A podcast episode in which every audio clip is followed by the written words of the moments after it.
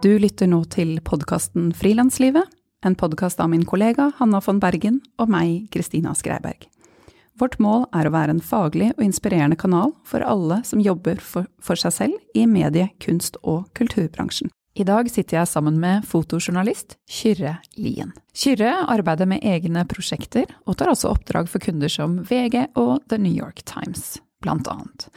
Han har jobbet i konfliktområder, og han ble nettopp, i oktober 2019, kåret til Årets frilanser av Norsk Journalistlag.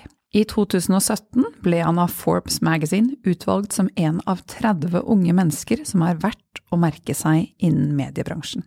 Kyrre har også et brennende engasjement på vegne av oss frilansere, og har skrevet flere kronikker om frilanseres dårlige arbeidsvilkår.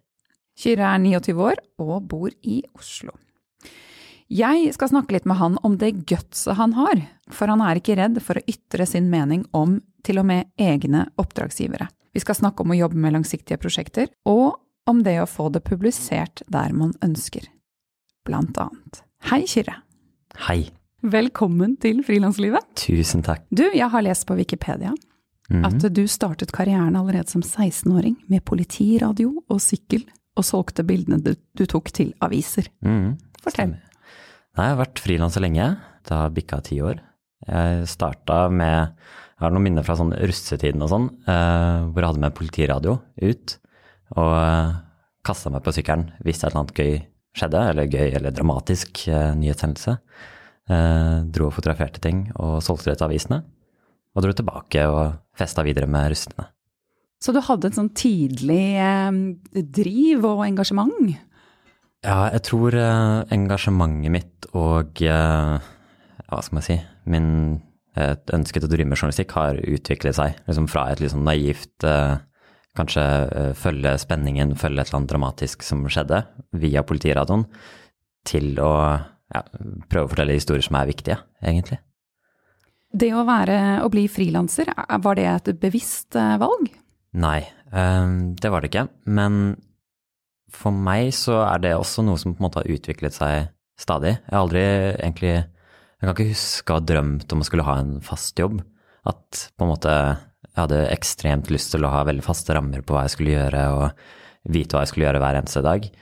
Men etter hvert som, som jeg kom inn i denne frilansbransjen, litt tilfeldig, så, så er det bare noe jeg på en måte har fortsatt å gjøre. Egentlig noe jeg bare aldri har sluttet å gjøre. Eh, Og heller egentlig ikke sett meg om etter alle andre alternativer. Og det syns jeg egentlig er ganske fint. Så du har det godt med det? Jeg har det veldig fint. Jeg har det veldig fint som frilanser. Samtidig som man selvfølgelig skal Jeg er også glad i å sant, kritisere litt og prøve å finne andre måter på å få frilanslivet til å bli bedre. Det skal vi snakke en del om etter hvert. Eh, Du ble jo nylig kåret til årets eh, frilanser. Det syns jeg er veldig velfortjent. Jeg har fulgt flere flere av prosjektene takk. dine lenge. Gratulerer. Så, så hyggelig. Tusen takk. Det var veldig stas. Ja, hvordan, hvordan er det å få den, eh, en slik pris? Eh, Det føles veldig godt. Det føles uh, man, blir, man blir ydmyk av det fordi også det er så sinnssykt mange andre dyktige folk som har fått den prisen før. At man tenker litt sånn er Hva skal man si, er man virkelig fortjent en sånn pris? Eh, samtidig så gir jo det mye mot og vilje til å fortsette å jobbe med de historiene jeg er glad i, og fortsette å være frilanser, rett og slett. Det er jo liksom en anerkjennelse for at man har gjort noe riktig opp igjennom.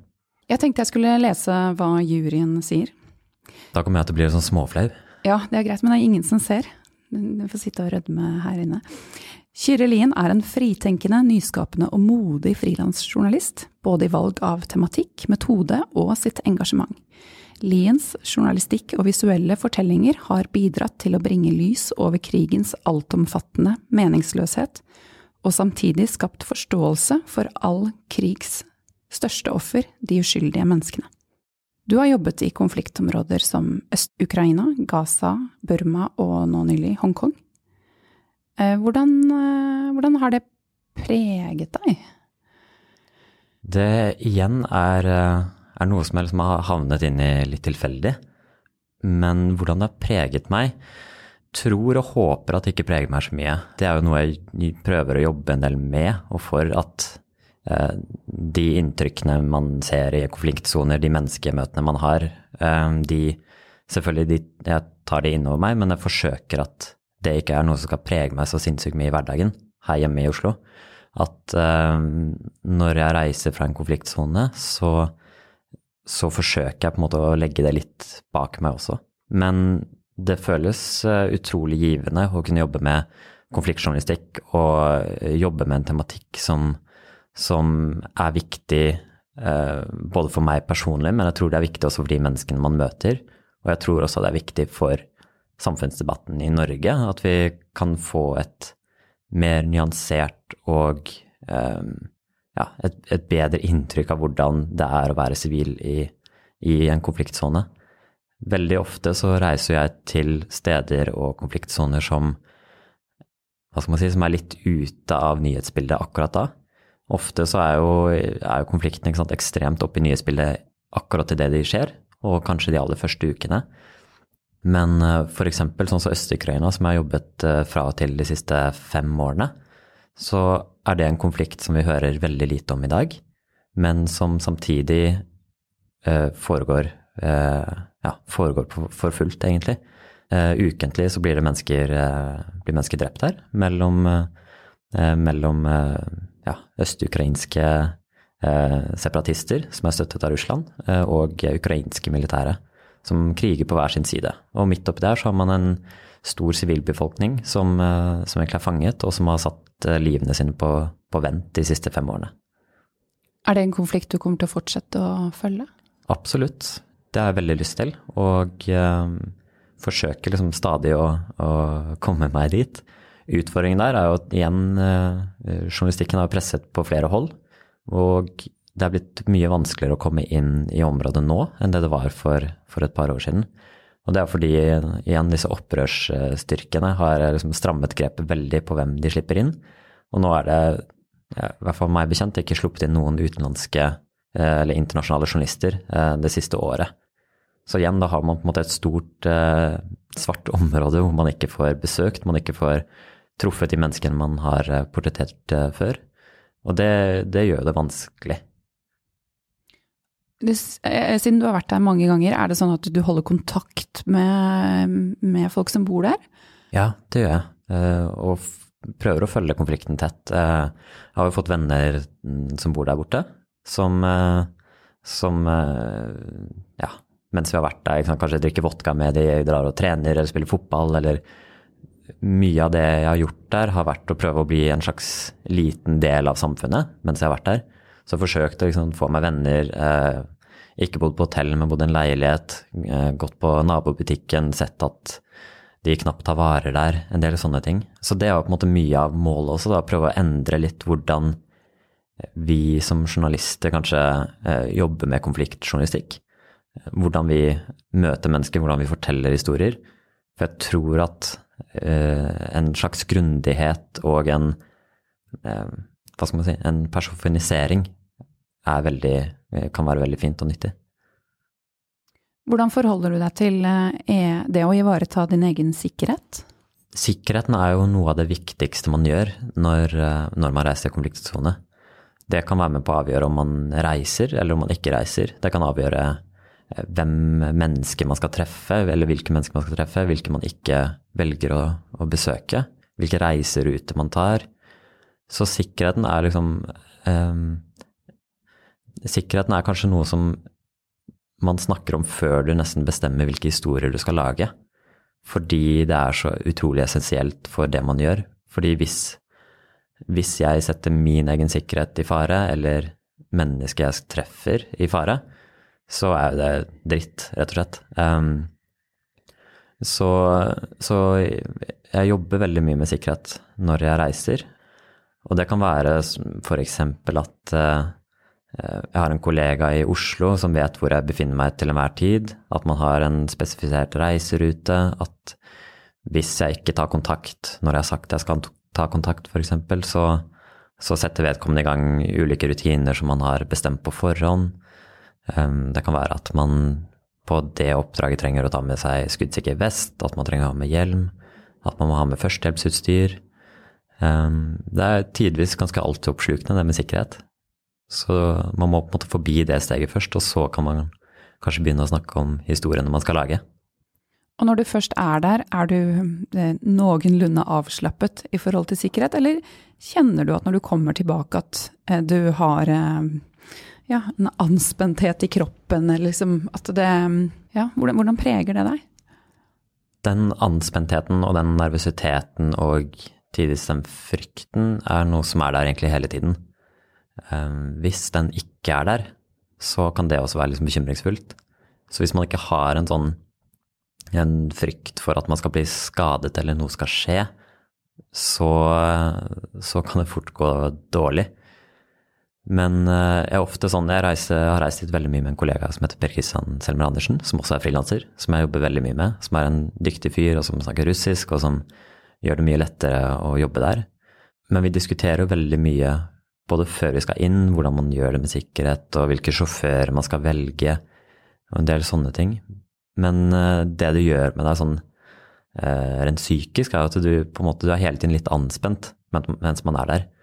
Så selv om på en måte krigen kanskje blir en del av hverdagen, hvis man ja, bor der et par uker av gangen, så krigen blir en del av hverdagen, men allikevel så er den hele tiden til stede. Og det kan på en måte Du, du er hele tiden forberedt på at noe skal skje. Jeg husker jeg og Per Kristian vi delte en leilighet midt i sentrum da, av Donetsk i Øst-Ukraina.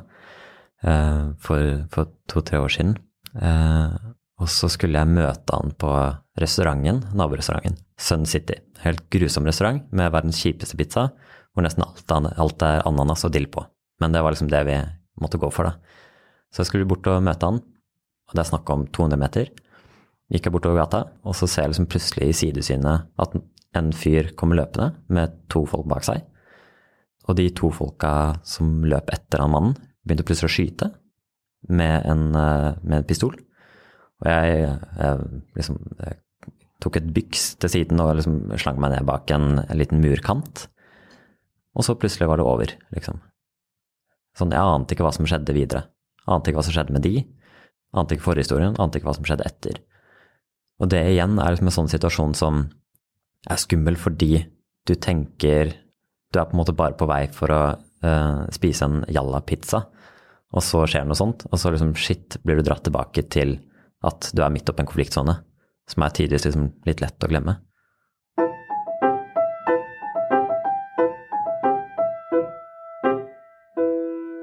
Et av dine prosjekter har gjort veldig inntrykk på meg. Det er ikke et prosjekt fra et krigsområde, men om folk som kriger fra sofakroken. The Internet Warriors, eller Nettkrigerne på norsk.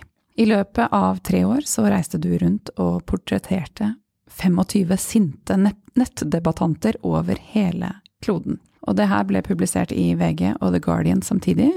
Eh, du lagde en egen nettside for prosjektet, du ga ut bok og hadde en utstilling. Hvordan, eh, hvordan oppsto ideen til eh, det prosjektet? Ideen oppsto i 2013. Jeg tror det var midt under en sånn Det var i romjula. Det var sikkert etter noe litt sigende ting på TV-en. Så gikk jeg inn i et kommentarfelt. Det var midt under flyktningkrisen i Middelhavet. Og så hvordan liksom, tilsynelatende vanlige folk ytret ganske drøye ting i dette kommentarfeltet. Så klikka jeg liksom inn på de profilene og så at veldig mange av de hadde de hadde familie, de hadde jobb. Det virka som de levde et ganske vanlig liv, på lik linje med deg og meg kunne posere med barna sine på, på sydenferier. Eh, samtidig som de da ytret disse ganske drøye holdningene. Og det var sånn denne ideen oppsto, at shit, hvis det her eh, Ja, rett og slett, hvem er disse folka? Som egentlig er ganske like deg og meg, men allikevel ytrer disse tingene som er så fjernt fra eh, hva min vanlige omgangskrets ytrer. Så det var egentlig så enkelt at da hadde jeg bare lyst til å møte de, treffe de, portrettere de, se hvordan de bodde, eh, finne ut hva de skrev, hvem de var, egentlig. Hvordan fant du disse menneskene? Å finne de er jo den aller, var jo den aller største jobben, og den seigeste. For de brukte alt fra eh, avanserte sånn graph search og sånn på Facebook til eh, å prøve å spore de via omvendte bildesøk til eh, Twitter-analyser, altså ekstremt mye forskjellig. Og jeg husker jeg brukte en hel arbeidsdag i kommentarfeltet til Kim Kardashian for å prøve å finne ut interessante mennesker som slengte dritt om henne. Og liksom etter en hel arbeidsdag med bare å lese sånne drittkommentarer, så endte jeg opp med å ikke finne noen som egentlig passa det jeg var ute etter. Så deilig. ja, det er sånn fint, apropos sånn ufakturerbar arbeidstid og sånn, at du da sitter, bruker en dag på det, og så er du like, like, langt. Men det er jo nettopp det som er med, hva skal man si, med gravende journalistikk, at det tar jo sinnssykt lang tid. Det er ikke noe du bare får servert. Eh, så for å finne en av disse menneskene, eller ett av menneskene, så brukte jeg gjerne eh, to, to arbeidsuker da, på å finne en person, eh, få overtalt de og liksom ja, komme i kontakt. For da du først fant en, en, du hadde lyst til å komme i kontakt med, hvordan, eh, var, den, hvordan var den første henvendelsen? kom veldig an på hvor de bodde. Så folk i Norge er jo sinnssykt enkelt å finne tak i, egentlig. Fordi folk har jo telefonnummer ute. Eh, adresser til folk ligger også stort sett ute. Men med en gang vi begynte å flytte oss, eh, eller jeg begynte å flytte meg liksom, eh, utover mot Europa eller USA eller Russland, så ble det mye vanskeligere.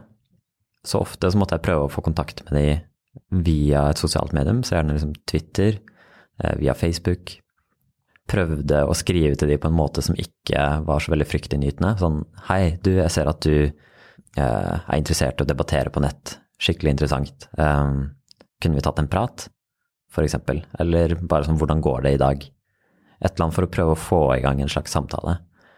Fordi hvis jeg la Hvis jeg skrev liksom hvis jeg skrev tre avsnitt om hva jeg ønsket og hvorfor jeg ønsket det, så tror jeg det terskelen er litt høyere for at de skal gidde å svare.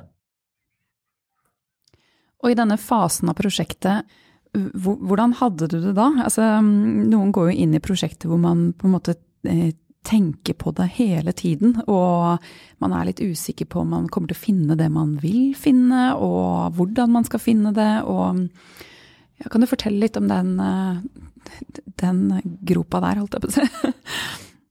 Startgropa. Ja, og det er jo det som er så fascinerende og eh, seigt med å jobbe med et prosjekt over mange år, er jo nettopp det at du møter på så sinnssykt mange hindre, og folk som ikke hjelper deg i riktig retning, og avtaler som blir brutt, og eksempel jeg reiste til England og skulle treffe en dame som så plutselig sluttet å svare og blokkerte meg, som gjorde at hei, da måtte jeg bare reise hjem igjen. Um, jeg har hatt redaktører som uh, hvor jeg deala frem og tilbake i liksom flere måneder, um, før de plutselig trakk hele greia, hvor det da sto på bar bakke igjen. Så man møter jo sinnssykt mange hindre på veien, men det er jo også noe Og du får lyst til å gi opp mange ganger og, og alt det der, selvfølgelig.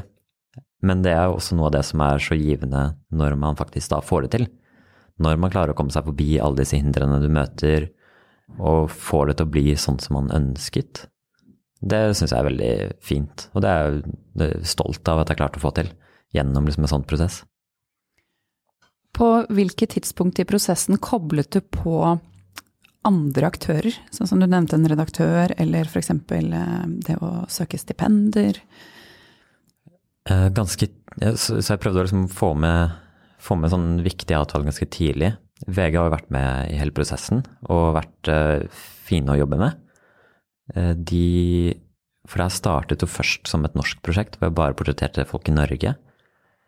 Og da solgte jeg inn det, eller pitcha det til VG. Eh, de ble med på en intensjon, intensjonsavtale, som så gjorde at jeg kunne søke penger fra Fritt Ord. Så jeg liksom har forsøkt å, å få, med, få med de så tidlig som mulig for å skape en litt mer forutsigbarhet for min del. Men også fordi det gjør, mye, gjør det mye lettere i sånn støtte, støtteprosesser. Å søke, søke, stipend og støtte. Men eh, Så det er, jo, det er jo også noe med sant, at hele de prosessene med stipender og fond og sånn, det tar jo sinnssykt mye tid. Så det gjør at man må jo bare man må liksom starte på det. Det er derfor disse prosjektene også drar så utrolig ut i tid. Hva har det kostet å lage dette prosjektet? Jeg tror slutte, altså summen på kassalappen er vel omkring 1,3 mill. Og det inkluderer um, selvfølgelig min arbeidstid, for man må jo ha betalt som frilanser. Og um, det inkluderer uh, leie av konteinere og flytting av de hvor utstillingen var plassert i. Uh, trykking av bok, reiser, oversettere, fiksere. Altså det, det har vært mye, da. Så det har vært et dyrt prosjekt å gjennomføre, men også et prosjekt som, eh, som har gått ganske greit økonomisk. Jeg tror altså sånn de 1,3 mill. Er, er vel nå ganske nært opp for å få dekket opp alt, da. Så det betyr at liksom, så godt som alle arbeidstidene har vært eh, lønnet normalt, på en måte. Det er jo fantastisk. Det er kjempebra. Og det er veldig kult. Er det fordi prosjektet har levd videre, og du har kunnet selge det i andre land osv., eller? Ja, det har altså sånn, det er alt fra Den økonomien er jo et gedigent lappeteppe. Fra alt fra støtteordninger, fritt ord som har vært sykt eh, sjenerøse, som jeg er veldig takknemlig for, men også at det har vært en del salg i utlandet, fra liksom VG, The Guardian, men også liksom, Der Spiegel og en haug med sånne små magasiner og rundt omkring i Europa, som gjør at det lever litt av seg selv. At plutselig er det noen som sender meg mail 'Hei, du, kan vi trykke det?' Og så forhandler man frem og tilbake, og så får man liksom 10 000 for det, eller 20 000, eller Og alle de små salgene hjelper jo også på. Men det er jo ikke gitt at et prosjekt er så tablid og så salgbart. Det er jo noe med det, at man kan, kan heller ikke liksom lene seg på at man skal tenke at alle sånne prosjekter er like kommersielle, eh, sånn sett, da. Men å få det til å gå rundt er jo noe jeg har jobbet mye med og for. Jeg er jo veldig opptatt av at jeg har ikke lyst til å gå inn i prosjekter Eller jo, jeg kan gå inn i prosjekter som ikke er økonomisk lønnsomme, men da skal det virkelig være noe man brenner veldig for. I utgangspunktet er det ikke at eh, dette prosjektet skal jeg tape på. I utgangspunktet er at dette er noe jeg kan leve av. Og når skjønte du at du burde løfte det fra å være et norsk prosjekt til et uh, internasjonalt? Idet jeg forsto at det her kan bli mye større. Og uh, at liksom, ok, hvis jeg treffer et par folk i utlandet, så vil det være mye lettere å klare å selge dette her internasjonalt.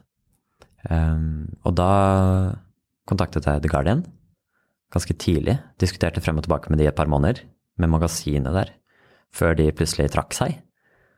Og da ble jeg kjempeirritert og frustrert og sånn, men selvfølgelig veldig proff og saklig e-post, for du kan jo ikke skjelle ut redaktører i The Guardian, selv om de oppførte seg uprofesjonelt. Så da var jeg liksom oppgitt og lurte på hva, hva, jeg skulle gjøre med det prosjektet her fremover. For jeg visste jo at jeg hadde lyst til å da portrettere flere mennesker i utlandet. Jeg ville at dette skulle leve lenger. Ehm, så gikk det noen måneder. Jeg begynte fra egen lomme, rett og slett, å portrettere folk rundt omkring. Og så holdt jeg et foredrag for en haug med journalister, hvor også det tilfeldigvis satt en eh, journalist fra The Guardian der, eh, som syntes prosjektet var kult. Så gikk det noen måneder, og så bestemte jeg meg, faen heller, jeg sender en e-post til han. Um, fordi han syntes det prosjektet var veldig kult. Så han sendte det videre til dokumentarredaktøren, dokumentarfilmredaktøren i The Guardian, som så digga prosjektet, og så plutselig havnet det der igjen. Så det er jo et eller annet rart med hvordan eh, Hvilke ulike veier det kan ta, men også bare hvor stor forskjell det er på, fra redaktør til redaktør. Hvor lite som egentlig skal til. Da.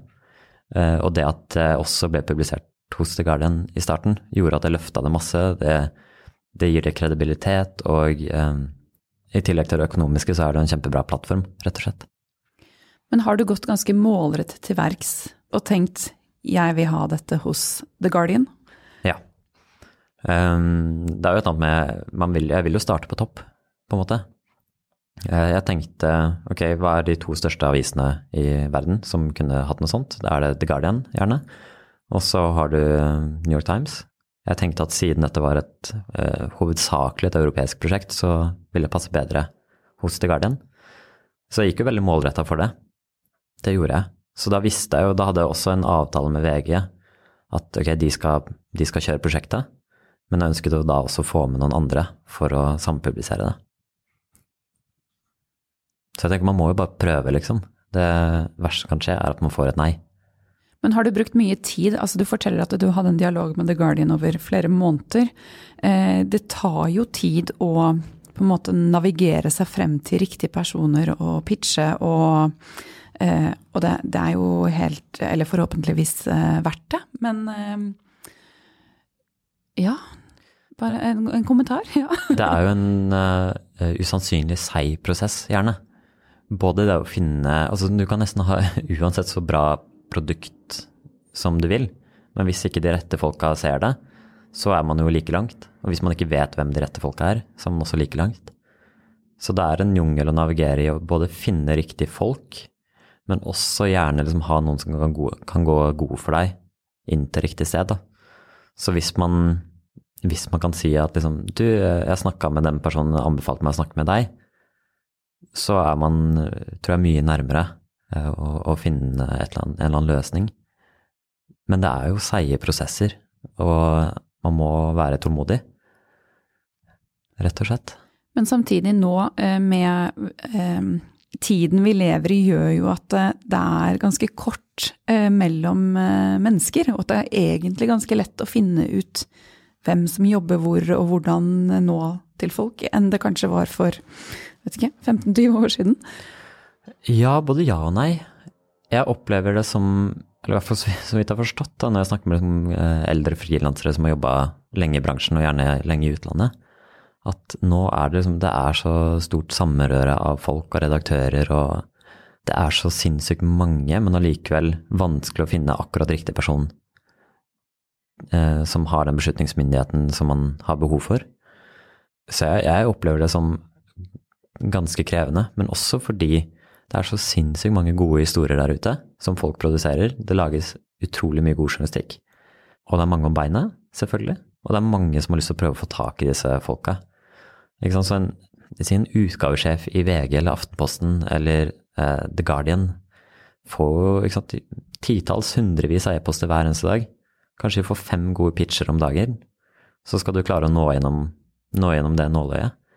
Og så er det et eller annet med at eh, man får jo mange nei på veien, men innimellom får du ja. Og det er de man må på en måte prøve å dyrke. Og det samme gjelder jo med søknader. Jeg har, ikke tall på hvor mange søknader jeg har fått avslag, uh, avslag, på. Jeg tror ikke det er fordi prosjektet nødvendigvis er dårlig, men, men okay, det passer ikke inn i deres form eller målgruppe eller timing eller Jeg tror man må, eller jeg prøver i hvert fall å, å liksom ha troen på det prosjektet jeg jobber med, og det uttrykket jeg ønsker. Og så må jeg heller bare prøve å finne noen andre som også liker det, som har lyst til å publisere det. Hvordan har du det når du eh, på en måte mister troen litt? Når du tviler?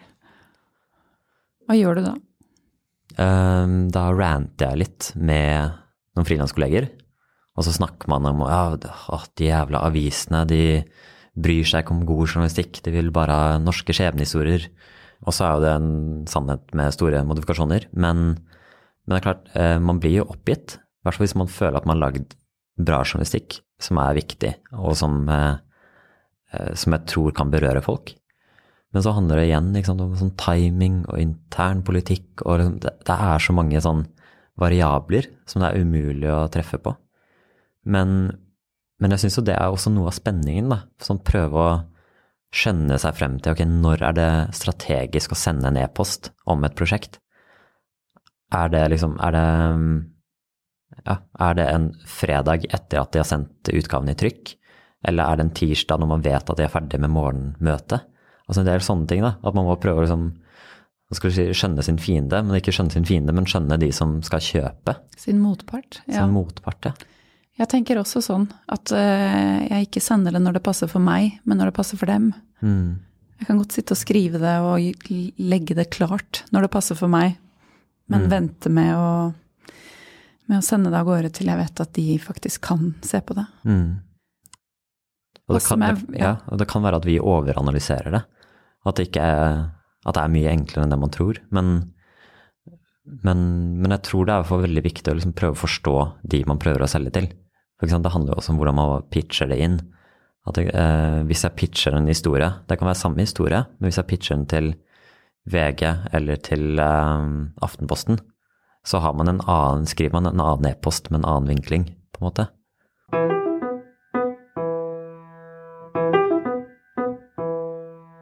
Du har også et brennende engasjement på vegne av oss eh, frilansere. Jeg skal komme inn på flere eksempler, men vil begynne med en kronikk du skrev eh, i september, som sto på trykk i VG, med tittelen 'Mediebransjen må se seg selv i speilet'. Jeg tenkte jeg skulle lese et lite utdrag fra den. Den begynner. Det er jo unektelig et paradoks. Vi i mediebransjen er verdensmestere i å kritisere andres uryddige arbeidsforhold, men klarer ikke å se til egen bransje. Hva er galt med oss? Som når VG for noen dager siden gikk ut på lederplass og ytret seg om Foodora-streiken, og skriver at de ansatte skal ha ryddige arbeidsforhold og en lønn det går an å leve av. Det er en avgjørende verdi ved Norge, et av verdens beste land, å leve og bo i, et land preget av høy tillit, små forskjeller og ryddige forhold på arbeidsmarkedet. Det høres ganske fair og riktig ut, eller slik begynner du din kronikk. Som sto på trykk i en av dine oppdragsgiveres mm. Eller i VG, VG, som er en av dine oppdragsgivere. Vil du kommentere kommentaren din litt? Eh, først og fremst så syns jeg det var eh, veldig kult at VG faktisk satte den på eh, trykk, hos si. At de valgte å kjøre den. Um, fordi jeg, så sånn, jeg er jo veldig glad i oppdragsgiverne mine. Jeg jobber jo en del for ja, VG og Aftenposten og andre. Jeg er veldig glad i de. Samtidig som det er en del sånn strukturelle utfordringer og problemer som de bør og må ta tak i. Og da syns jeg det er veldig bra at selv om, uh, ja, selv om jeg kritiserer bl.a. VG da, i den kronikken, så, så har de den på trykk. For du skriver også at avisen har stort gjennomtrekk av midlertidige ansatte som ikke får fornyet kontrakten sin etter to–tre år i redaksjonen. Da slipper nemlig avisen å gi dem fast jobb. I tillegg bruker mediehuset i stor grad frilansere til å produsere journalistikk til blant annet helgemagasinene og fotoavdelingen, men til langt lavere honorarer enn det Norsk Journalistlag mener er rettferdig. Du går jo ganske mm, hardt ut mot oppdragsgiveren din. Jeg gjør det. Jeg har ennå ikke fått noen sinte telefoner tilbake. Så jeg tror liksom Jeg tror mange av de tingene som jeg påpeker i de kronikkene, um, både den her og andre jeg har skrevet, er jo ting de selv er klar over, gjerne. Det at de ikke betaler godt nok, eller hva fagforeningen mener, er jo noe de er klar over. Og det her er ikke nødvendigvis Det er ikke det at det liksom, reportasjeledere eller mellomledere er de, den store stygge ulven her. Jeg tror de forsøker å gjøre sitt aller beste ut ifra liksom en presset uh, budsjett. Og um, jeg tror de stort sett liksom er opptatt av at det skal være greie kår. Men problemet her er jo at det er noen som sitter over, som uh, styrer de overordna budsjettene. Dette skjer på styrerommene, det skjer med ansvarlige redaktører. Og når de ser på hvilke kostnader de kan kutte for å ha liksom en høy driftsmargin og gi aksjeutbytte og alt det der, så ser de ok, hva er de variable kostnadene man har i en avis?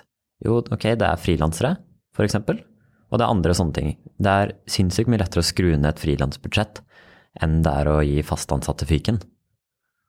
Eller å gå og si at nå skal alle ha lavere lønn? For eksempel. Det, du får jo ikke folk med på det.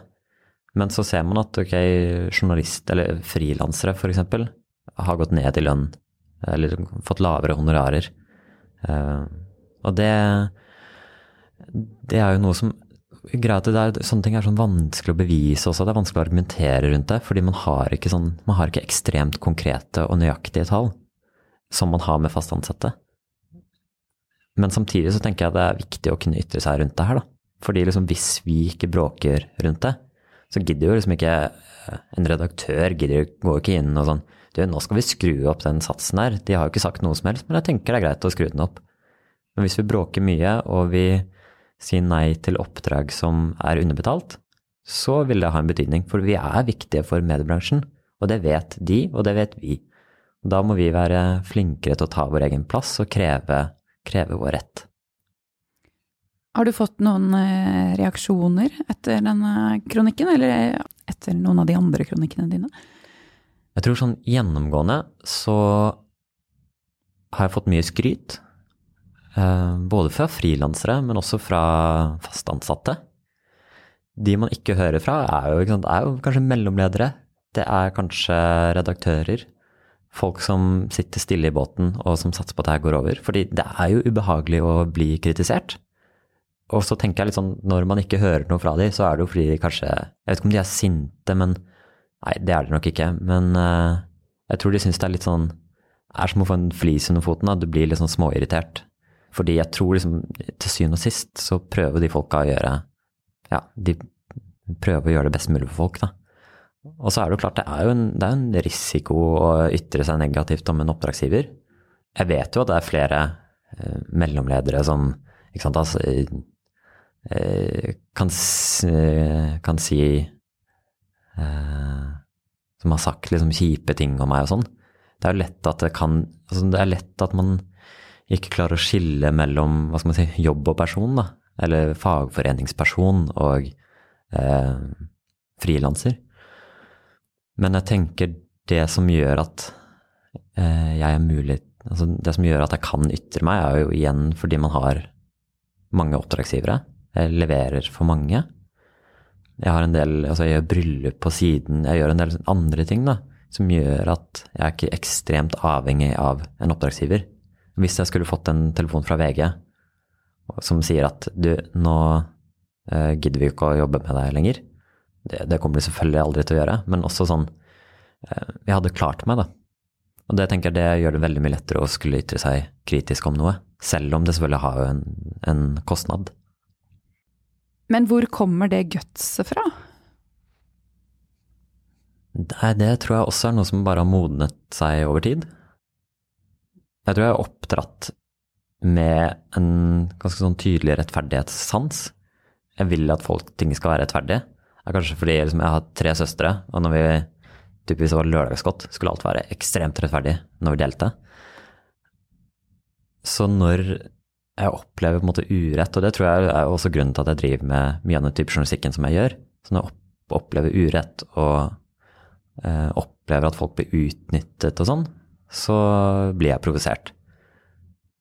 Og det er sikkert det jeg prøver å kanalisere ut i, ut i kronikker, ut i et faglig engasjement ut i fagforeningen, Norsk Journalistlag. Um, og så tenker jeg også, altså det er jo en del av Hvis jeg ikke skal gjøre det, da, så er det noen andre som må gjøre det. Og det er også litt av igjen sånn irritasjonen min. Det er ikke bare oppdragsgiverne selvfølgelig som er, um, er kjipe. Det er også mange av oss frilansere som vi har tatt for dårlig betalt i altfor mange år. Vi har ikke stått skikkelig på kravene. Og det gjør at um, det er blitt et stort etterslep. Og det opplever også at det er, liksom, det er mye mer sånn profesjonalisering av bransjen nå. Profesjonalisering av det å være frilanser. Som gjør at um, jeg tror det er lettere nå kanskje å Eller vi har blitt flinkere til å snakke om det. Og ytre oss og kreve det vi skal ha betalt og sånn. Og det syns jeg er veldig bra. Men de fleste frilansere vil jo gjerne være den som kommer og løser problemer for redaksjonen. Mens du blir eh, kan jo lett bli han som er eh, et problem. Mm. Men eh, jeg er så imponert over at du, du, gjør det likevel. Og du tar den kampen ikke bare for deg selv, men for alle oss andre. Mm. Det, men det setter deg kanskje også i eh, respekt? Kanskje. Og jeg tror et eller annet med Det siste jeg har lyst til å være, da, er liksom sånn gå med lua i hånda og tigge en redaksjon om at de skal kjøpe en reportasje eller gi meg jobb. Fordi det er jo noe med liksom å ha selvtilliten da, til at du, det jeg leverer, det er bra. Jeg er en dyktig fotograf, eller jeg er en dyktig journalist, eller um, hva nå enn det er. Og så tenker jeg ja, kan, man kanskje får litt respekt, men så er det en annen del av meg som tenker sånn at hvis jeg gjør jobben min dårlig, da, hvis jeg er en dårlig fotograf eller en dårlig journalist, så tror jeg det er vanskeligere for de å ta det seriøst. Men jeg tror jo, og mener jo liksom det jeg leverer er godt. Da tenker jeg det er lettere for de å på en måte ok, okay her er det en dyktig fotojournalist, han kritiserer oss. Kanskje vi må gå litt i oss selv. Kanskje det faktisk er et eller annet her. Um, og så prøver jeg jo litt Altså, det er lettere for meg på en måte å kritisere Dagbladet og VG. Eh, ikke Dagbladet og VG, men VG og Aftenposten, eh, som jeg jobber en del for fordi jeg kjenner mange av de folka som jobber der. Um, fordi liksom, man er på hils med sjefredaktørene, og man kjenner klubblederne. Um, kjenner fotografene, kjenner mellomledere. Det gjør at selv om jeg kritiserer måte, arbeidsforholdene der, så tror jeg liksom, de fleste vet at okay, han er jo en ålreit fyr, liksom. Han er hyggelig og, og alt det der. Så, så, det gjør det kanskje lettere for at de klarer å se eh, se at det er ikke bare en fyr som er eh, kranglete og kjip, men det ligger kanskje noe i det. Men har du dager hvor du tenker at um, Hvorfor gjorde jeg det her? Eller hvor du føler deg liten og sårbar og er redd for konsekvensene? Det er man alltid. Så det er man alltid når man ytrer seg negativt om noe eller noen. Um, så er jeg jo kjemperedd for konsekvensene. Uh, både hva det kan gjøre liksom rent økonomisk, men sånn jeg, Man vil jo bli likt, ikke sant. Det er jo noe som ligger dypt inni ethvert menneske, tror jeg. At man har jo ikke lyst til å være mislikt noe sted. Jeg vil jo at folk skal være glad i meg og uh, synes det jeg leverer til er bra, og jeg har ikke lyst til å gå og være en sånn pain in the ass hele tiden. Men samtidig så er det liksom igjen den derre sånn rettferdigheten, da. At når det er urett, og så er det noe man må ta tak i. Og jeg tror det er lettere for meg å ta tak i det enn en del andre. Fordi jeg føler at jeg har ganske sånn trygge arbeidskår ellers. Og så får jeg jo masse støtte fra folk rundt, da. Sånn frilansere støtter opp om det, fagforeninger gjør det, klubbledere gjør det, fast ansatte gjør det. Så jeg tenker sånn Jevnt over så er folk opptatt av at uh, det jeg ytrer meg om, er riktig og rettferdig. Men man er jo livredd for at liksom, ok, har jeg trådt over en grense nå? Har jeg sagt noe jeg ikke burde? Jeg kjente jo litt på det da jeg skrev den kronikken her, så var vi midt i Jeg og kollega Kristian, vi hadde vært i Hongkong og lagd noen reportasjer derfra. Så vi var liksom midt i sånn salgsprosess med ulike Og pitche inn til ulike aviser og sånn, samtidig som den kronikken her kom ut. Så jeg tenker sånn Det er jo heller ikke fantastisk smart i et sånt forretningsøyemed. Så da tenkte jeg altså lurest, ok, da er det Per Kristian som sender de pitchemailene og eh, nesten sånn holder mitt navn utenfor. Men, um, men, det har jo gått bra, og ting har jo, havner jo på trykk og sånn, så det, det, går fint. Jeg tror de fleste klarer å skille eh, person og sak. Du er i ferd med å bli en legende, Kyrre. Oi, det er veldig raust. Ja, takk for innsatsen din. Du er styremedlem i NJ, altså Norsk Journalistlag, sin NJ Frilans, som det mhm. heter. Mm. Eh, du skriver disse kronikkene, og du har vært med på å utarbeide de veiledende frilanssatsene som Norsk Journalistlag lanserte våren 2018. Som har vært til stor hjelp for meg og veldig mange andre frilansere. Så bra. Hvor mye tid bruker du på dette arbeidet? Det går veldig opp og ned, men um, det tar en del tid. Men ikke minst så tar det en del sånn det, tar, uh, det kan ta litt energi. At det her er noe man går og tenker på. Ehm, jeg kan kjenne på dårlig samvittighet for ikke å gjøre mer, f.eks. At man ikke ehm, får vært med på alle de møtene man skal. At man ikke får eh, ehm, bidra til å sende ut en nyhetsbrev til enda et frilans. Altså sånn alle mulige sånne ting. Da. Det går bra. Ja, det går bra. Men allikevel Ja, det, det, det, tar jo tid, og det tar, eh, det tar energi. og og alt det der, men samtidig så er det jo veldig givende. Fordi jeg føler at jeg er med på å kanskje endre noe i en bedre retning. I tillegg så har vi jo fått med sjukt mange flinke folk i det styret. Så nå er det så masse folk der jeg ser opp til. Som jeg tenker det Det er også noe med liksom å gjøre fagforening til noe sånn litt attraktivt. Da. At det ikke bare er sånn eh, eh, surmulere, men liksom folk man kanskje ser litt opp til eller respekterer, som jeg tror det, da gjør det mye lettere at folk engasjerer seg og liksom skjønner at ok, det her ja, hvis, okay, hvis de folka her går god for de frilanssatsene, da må kanskje jeg også gjøre det. Så alle de tingene tenker jeg er viktige. Da. Og så er det en sånn kynisme i meg også at sant, Jeg har vært frilanser i ti år, og jeg tar sikkert dobbelt så høye honorarer nå som jeg gjorde for ti år sia. Og så skal jeg kanskje være i den bransjen her, for alt jeg vet, i ti år til. Eller 20 år. 30 år, kanskje. Hvem vet. Så tenker jeg sånn, hvis man kan gjøre et eller annet med det her nå, så kan jo det liksom få vinning for meg også i det senere løp. Så jeg tenker jo på meg også oppi alt det her. Eh, selvfølgelig tenker jeg liksom kollektivt, men også eh, Det er ikke så lett for meg å skulle ta 30 000 for en reportasje, eller 50 000 for en reportasje hvis resten av frilanserne tar 10 000 for, en, for samme type arbeid. Så er det et eller annet med det, hvis vi klarer å løfte de som kanskje tar seg dårligst betalt, eller liksom profesjonaliserer folk, så gjør det lettere også for, uh, for de andre å kreve høyere honorarer. Så jeg er en liten kapitalist også, oppi alt. Ja, men det, det håper jeg. Det er uh, at det også uh, faller på deg. For dere lyttere som ikke kjenner til satsene, så kan du google NJ og veiledende satser fordi da kommer de opp. Der ser du hva du bør tjene per dag for å ha en vettug årslønn. Og disse satsene er egentlig over, overførbare til mange andre bransjer enn journalistikken. Jeg råder mange andre å se til dem også. Andre grafiske designere, illustratører osv. Hvordan har du det som frilanser?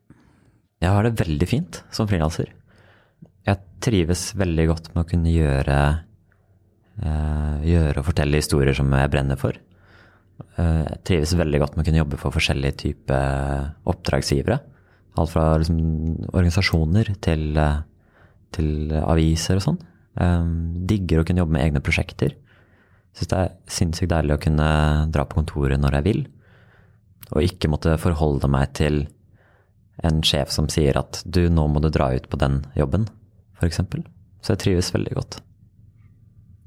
Hvor mye jobber du? Jeg føler jeg er blitt flinkere til å jobbe mindre. Men uh, jeg, hadde, jeg, har ikke hatt en fridag på en måned. Og det, det, er jo ikke bra. Uh, men det er en del tilfeldigheter rundt det også. Men, uh, men jeg jobber mye. Prøver å jobbe mindre. Men stort sett så er jeg, liksom, jeg er på kontoret fra ja, åttetiden til fem, kanskje. Fem-seks. Men da prøver jeg å legge fra meg jobb da, når jeg går hjem. Så jeg deler kontor med en del andre veldig flinke folk. Uh, og vi har liksom ganske sånn definert kjernetid. Og det gjør at det er lettere å, liksom, å kunne legge det fra seg, dra hjem og faktisk bry seg om andre ting. Sånn at man ikke sitter oppe og bare Jeg skal bare skrive den e-posten til klokka åtte på kvelden etter man har spist middag, på en måte. Men at man, man prøver å definere det som, ja, som vanlig arbeid, da, på en måte. Det syns jeg er viktig. Samtidig som eh, jeg jobber jo mye stort sett fordi jeg syns det er gøy. Og fordi jeg syns det er spennende og syns det er givende.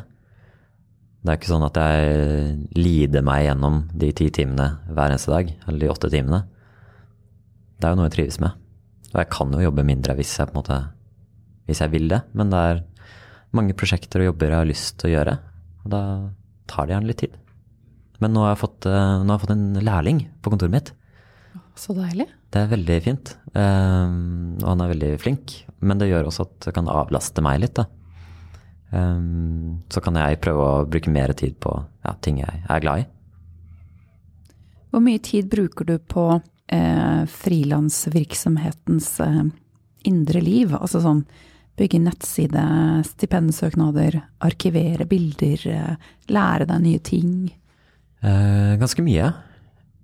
Um, de frilanssatsene som du snakket om i stad, de tar jo høyde for sånn eh, et sted mellom 25% og 40 ufakturerbar tid.